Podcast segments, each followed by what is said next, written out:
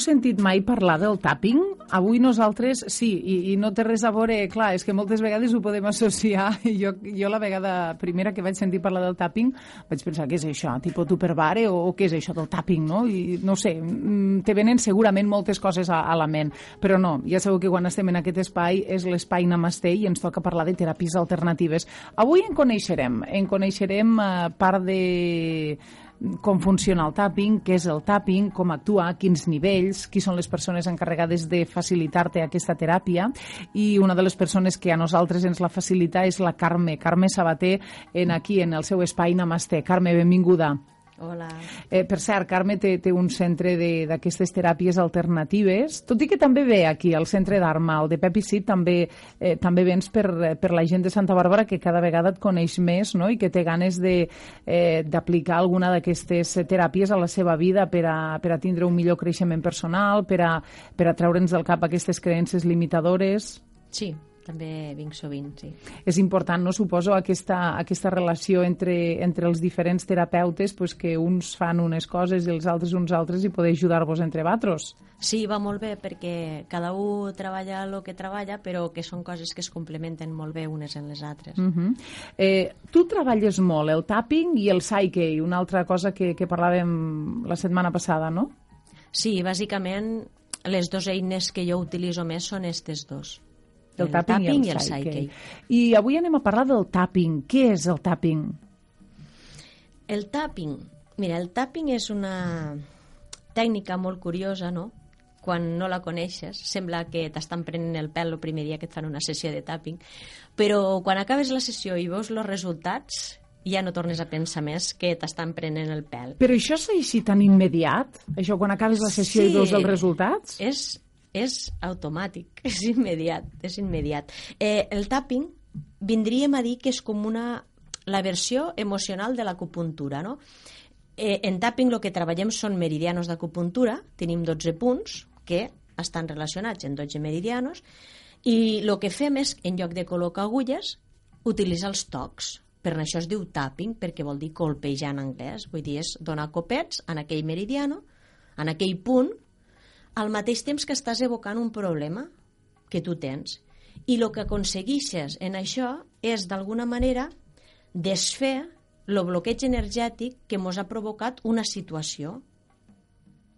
Uh -huh. Al desfer este bloqueig energètic, automàticament el que fem és desfer la fòbia, la culpa, el, la qualsevol cosa que ens està generant un problema, la emoció que estem patint en aquells moments. Eh, com arriba el tapping aquí? Eh, perquè jo he sentit parlar, per exemple, de Cipriano Toledo, no sé si és una de les persones que, que l'imparteix i un dels, eh, dels que més coneix el tapping. Sí. No sé si és una teràpia oriental que arriba o és una teràpia, una teràpia de recent creació. No, no, no, no, no. És una tècnica, és una teràpia que ve dels Estats Units, que la va crear un psicòleg nord-americà, eh, precisament és un senyor, el Roger Callahan, que va patir tota la seva vida de moltes fòbies i llavors ell el que va dedicar tota la seva vida com a psicòleg clínic que era no? a, a investigar el per què i a buscar maneres de com solucionar-les. No? Tenia una pacient que va estar... tenia fòbia a l'aigua i portava 18 mesos tractant-la i no hi havia manera de que aquella dona sortigués d'on estava. I un dia, bueno, pues ell va pensar, utilitzant que si unes tècniques de la medicina xina i de no sé què, vaig a provar de fer, va provar l'experiment del tapping, no? que ella encara no, que encara no sabia que, que seria allò res, uh -huh. no? I, i senzillament va estar utilitzant un punt dels 12 que hi ha. Mentre aquella senyora anava evocant pues, el que a ella li feia la seva fòbia, no? pues, eh, l'aigua inclús al bany, a la banyera, el riu, el mar, una bassa, un lago, un... qualsevol cosa que ella hi hagués aigua i li generava aquella angoixa. Mentre se connectava amb l'angoixa li anava fent tapping en aquell punt.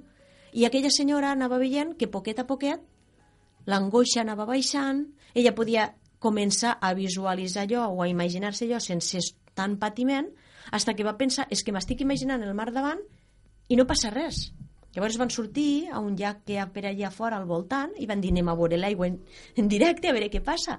I es va poder presentar davant i va poder posar-hi la mà dins i no va passar res i ja no va aparèixer mai més la fòbia aquella. I allò va ser el primer, però això era als anys 80, a principis dels anys 80. Vull dir que que porta un llarg recorregut, uh -huh. la, la tècnica esta. O sigui, va sortir als Estats Units i des de fa uns anys també també es practica com aquell que diu per tot el món, no? Sí, després va llaure un deixeble d'ell que va ser el que d'alguna manera lo va fer assequible a tothom. També va buscar quins eren els punts que s'havien de treballar i no necessites cap coneixement de res, de res, absolutament de res. Has de conèixer els, els punts aquests i com treballar-los. I el que fas és no buscar si este problema li correspon a este meridiano o aquell problema en aquell altre. Senzillament els treballes tots. Treballes els 12 punts i en allò vas fent. I aquí realment hi ha, hi ha diverses mestres no? o professors o ensenyants de tapping, però el que l'ha fet més conegut realment és el Cipriano Toledo, és el primer contacte que vaig tenir en el món del tapping. Me va fer... No n'havia sentit parlar mai, me truca una companya de Barcelona, em diu a Badalona fan un, un curs de tapping perquè el vulgui conèixer per 6 euros. Jo vaig pensar, com que qualsevol curs te'n demanen 600, vaig pensar, per 6 euros no puc perdre molta cosa, cap a Badalona falta gent, no? I arribem allí i no érem dos, ni tres, ni deu, érem 6.000 persones fent tapping. I allò que entres a la millor pensant que no saps on vas i surtes realment sorprès. Mm -hmm de lo Molt bé. que llavors, trobes. Llavors la terapeuta com aplica el tapping? Suposo que a part d'aplicar també ha de trobar aquell problema que aquella persona es vol tractar, no? O, o, o ja arriba, ja ho sap la persona que es tracta allò. Bueno, el que busques sempre és en, en, per treballar en tapping què és el que més preocupa a la persona. Quan una persona ve, què et passa? Què et preocupa més? Què és pues jo, a veure, tu pots tindre problemes de 50 coses, no? Eh, el que mos diu a vegades el Cipriano Toledo sempre ho diu, no? A veure, una persona pot tindre un càncer i una espinilla, eh? I una cosa és una xorrada i l'altra és de vida o mort. És una persona jove que està en tractament de càncer, no?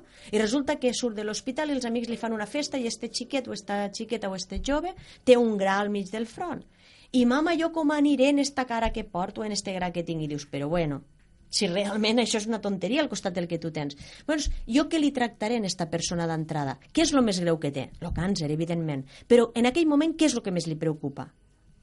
L'espinilla. Doncs pues comences per l'espinilla. No importa que no sigui, que sigui el problema més o menys important de la persona. És el que més l'angoixa. Comences per allí i no et preocupes que detrás ja arribaràs a, Uh -huh. I arribaràs a l'altre. Però sempre el que més angoixa en aquell moment la persona. Això és cosa dels terapeutes, perquè clar, un pot pensar, bueno, pues ja coneixo els punts, me ho faig jo a casa i, i ja està, no? Però eh, amb l'ajuda de, dels terapeutes pues, pots arribar a tractar-te més coses. Evidentment, Vull dir, jo faig tallers de tapping per a que les persones lo coneguen, se'l puguen autoaplicar, puguen aplicar-lo pues, a, als dels, de casa, al seu entorn, i realment va molt bé en un moment donat que tu t'angoixes molt, tu mateix te ho pots fer i ja està. Una altra cosa és treballar un problema en profunditat.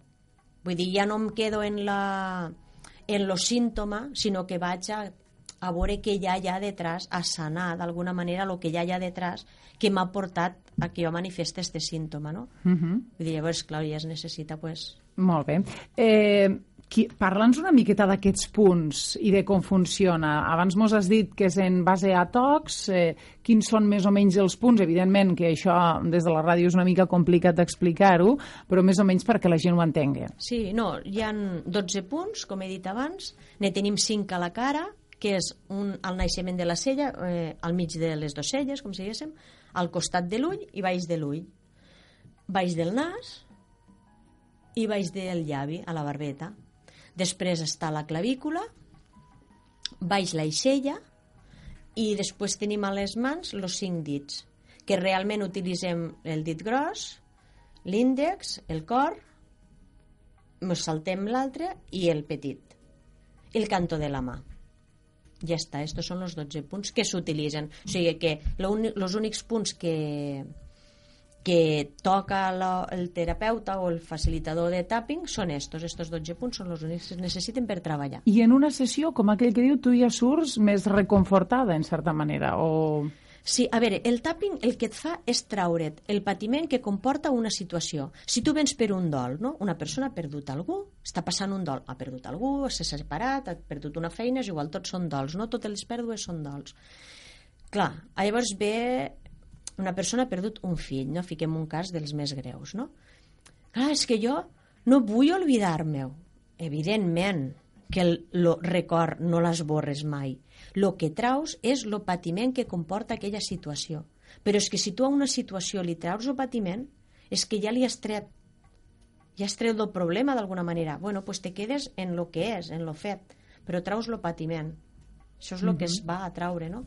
O la emoció, si hi ha tristesa, traus la tristesa, si hi ha ràbia, si hi ha enfado, si hi ha el que hi hagi és el que traus en una sessió i també llavors el que fas també és valorar no? tu quan comences a fer una sessió una persona que ve i està pues, com a molt enfadada no? té molta ràbia vale, pues jo li dic a veure, zero seria estar molt bé, molt tranquil i deu és que bueno, la ràbia me surt hasta els topes, no? com a descontrolada no? a, on, a on estàs? ostres, pues jo estic a 6 de ràbia vale, anem a fer una ronda de tapping i tornes a valorar ostres, ara resulta que en tinc més, vale, ja anem bé i vas valorant. Arriba un moment que allò quan ja ha pujat prou va baixant, hasta que arribes, no vull dir a nivell zero, però Llavors, què passa? Davant de... Tu seguixes evocant aquell problema, aquella situació que t'ha fet provocar, que t'ha provocat aquesta uh -huh. ràbia.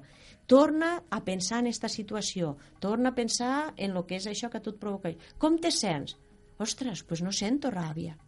Vale? Estic tranquil. Vale, pues ja està, ja hem fet el que teníem que fer. Molt bé. Nosaltres també, cada setmana fem el que, lo que havíem de fer. Per cert, jo no us ho he dit, però m'agrada recordar-ho de tant en tant, que si voleu, si teniu alguna consulta, si, eh, si voleu alguna cosa de nosaltres, eh, sempre podeu trucar aquí al telèfon de la Plana Ràdio, si, si hi ha algun tema que, que tingueu ganes que, que en parléssim, sempre ho podeu fer trucant-nos aquí a la Plana Ràdio i, com no, eh, també amb aquestes consultes eh, a, a l'espai Namaste al 637 048 781 a la Carme. Carme, la propera setmana nosaltres seguim, d'acord? D'acord. Vinga, fins, fins llavors. Propera.